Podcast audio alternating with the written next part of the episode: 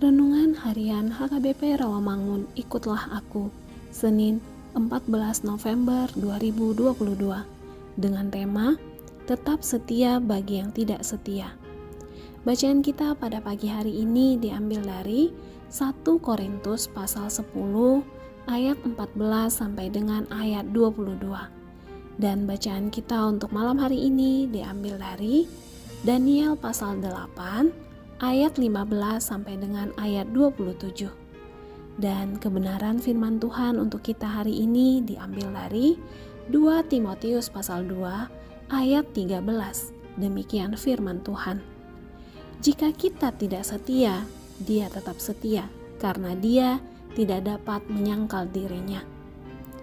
Sahabat, ikutlah aku yang dikasihi oleh Tuhan Yesus. 2 Timotius 2 ayat 13 hendak berbicara kepada kita bagaimana kita menemukan sikap Tuhan yang sebaliknya terhadap orang yang tidak setia. Berbicara kesetiaan, manusia sangat rentan dengan kesetiaannya.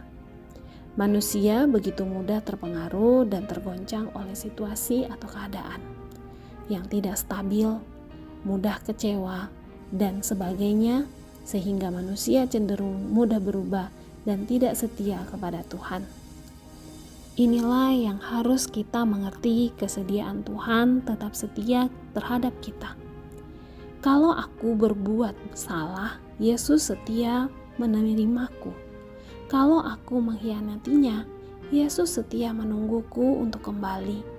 Jika aku tidak ke gereja, Yesus pun tetap setia memberkatiku. Mengapa demikian?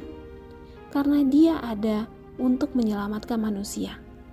Tuhan selalu setia kepada kita dalam keadaan apa pun.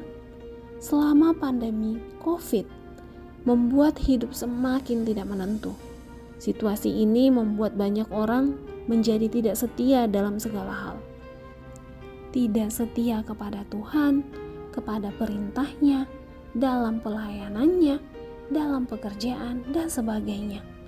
Melihat kenyataan sekarang ini, kita dipanggil untuk setia setia kepada Tuhan, setia dalam pekerjaan, setia terhadap mereka yang tidak setia dengan menerima, menolong, menghargai, mengampuni, dan mengasihi, sehingga semua orang merasakan kesetiaan Tuhan yang tidak pernah hilang untuk siapa pun.